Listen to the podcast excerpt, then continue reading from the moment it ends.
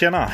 Tjena tjena! Och eh, jag satt här och funderade lite grann, satt och tänkte på, jag har börjat köra lite content som jag har börjat skriva ner lite grann.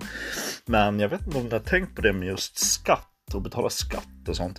Det är ju verkligen eh, någonting som tar livsgnistan ur själen liksom. På riktigt, liksom suger ur livslusten ur människan. Eh, det har jag funderat lite grann på och Eh, så satt jag och tänkte också på det att det eh, det, det, är ju, det är ju lite som att liksom grubbla på varför det gör så ont och snubbla och slå i huvudet i en vägg eller någonting. Utan man får aldrig riktigt, man kommer inte ifrån det där liksom. Utan så är det. Och som jag känner just med Skatteverket och så, då är det ju det att Jaha, nu skickar ni ut här så jag får restskatt för nu ska jag betala för eh, ert senaste års samlade misstag ungefär. Det är, det är ungefär på den nivån kan jag känna lite grann så eh, just med skatter och sånt. Men eh, eh, skitsamma, nog om det.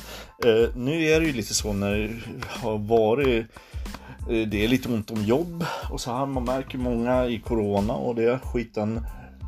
Mm, det blir tuffare konkurrens va eh, helt enkelt. Och jag kommer ihåg som min farfar sa till mig va, eh, då när jag sökte jobb mm, för några år sedan va, att eh, felet med dig det är ju det att du, du har ju för fan ingen kostym. Du måste ju ha en kostym om du ska söka jobb. Det är lite roligt i och för sig. Eh, lite old school sådär kanske. Inte riktigt koll på läge. Eh, jag vet, eh, oklart, oklart lite grann där. För att jag jobbar ju inom bygg va? och rivnings och håltagningstjänst och sånt. Så det kanske ser, blir motsatt effekt om man kommer i en jävla frack och ser ut som en jävla pingvin på, på Oscarsgalan ungefär. det kan jag tycka, men det är, det är generationsfrågor där. Mm, eh, som sagt, generationer. Eh, och sen, ja, han var ju aldrig sen med att tillägga det också. Fel med dig, det är ju att du är så jävla mycket tatueringar och skit på dig också. Det ser för jävligt ut. Det ser för jävligt ut. Så det var en, en rolig herre på många vis som hade många mm, kommentarer eh, kring eh, saker och ting. Han kunde ju dra upp sådana här, så, vad fan var det han sa nu? Den var rolig. Eh, eh, om jag inte hade blivit född, då hade ju din pappa inte blivit född. Om din pappa inte hade blivit född, då hade ju inte du funnits till. Och då hade vi sluppit en jävla massa problem. eh, så kan man tänka också. Mm. Så det, det där är en riktig guldgruva. Många citat alltså har jag därifrån som är Eh, Eh, det är därför, lite grann därför jag vill dokumentera det här också. För att det, det, det kan bli som en everlasting eh, grej som jag kan gå tillbaka till och komma ihåg. Ehm, eh, vad fan var det mer han brukar säga? Eh, att dö, det är ju bara som att inte vara född. eh, så att eh, det var en herre med många, en mångfacetterad eh, tänkare om man så säger. Men Nog om det, jag ska inte tråka ut det allt för mycket. Men det, vi kan återkomma till det senare. För det finns mycket, många bottnar där. Mm. Om man så säger va. Eh, sen var det, vad fan var det jag tänkte på? Uh, jo, jag satt och kollade på, mm, eller jag, jag, kollade inte på det utan jag läste någonstans om, om det här Så mycket bättre. Va? Och, och det som slår mig va, det att den där jävla Plura alltid är med i det här TV4-programmet där de ska, de ska sjunga varandras låtar och hålla på och sitta och grina vid någon jävla köksbord. Va?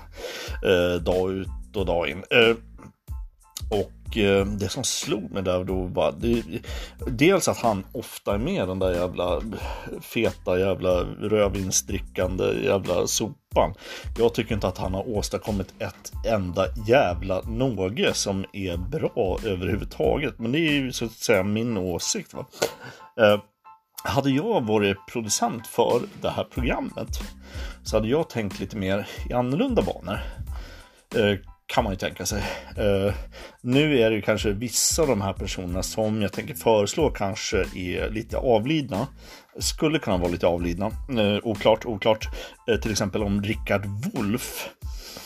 han tror jag faktiskt är avliden. Eh, men om han skulle tolka, eh, låt oss säga Bob Marley. Det, det, skulle vara en rätt intressant grej. För han, han låter lite sådär, eh, Rickard Wolff. Eh, det sitter en pojke på månen han sjunger stilla sin sång. Det sitter en pojke på månen han gråter natten lång. Det sitter en pojke på månen. Ja, lite, lite så eh, kan han låta, kan jag tycka. Eh, men om han då skulle köra Bob Marley eh, den här låten, vilken fan låt var det jag tänkte på? Uh, nu kommer, nu får, står det fan still nu när jag hade jag hade det fan på pränt alltså.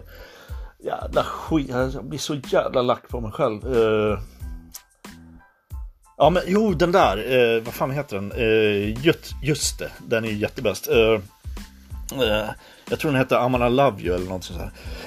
I'm love you For the rest and every day we'll be together. every day and every night. Ungefär så skulle jag kunna tänka mig att att det skulle kunna låta om Richard Wolff tolkade mm, just den låten. Och eh, jag vet inte hur mycket obehaglighetsfaktorn eh, ökade just med den tolkningen. Men det skulle vara jävligt kul, intressant att se i alla fall.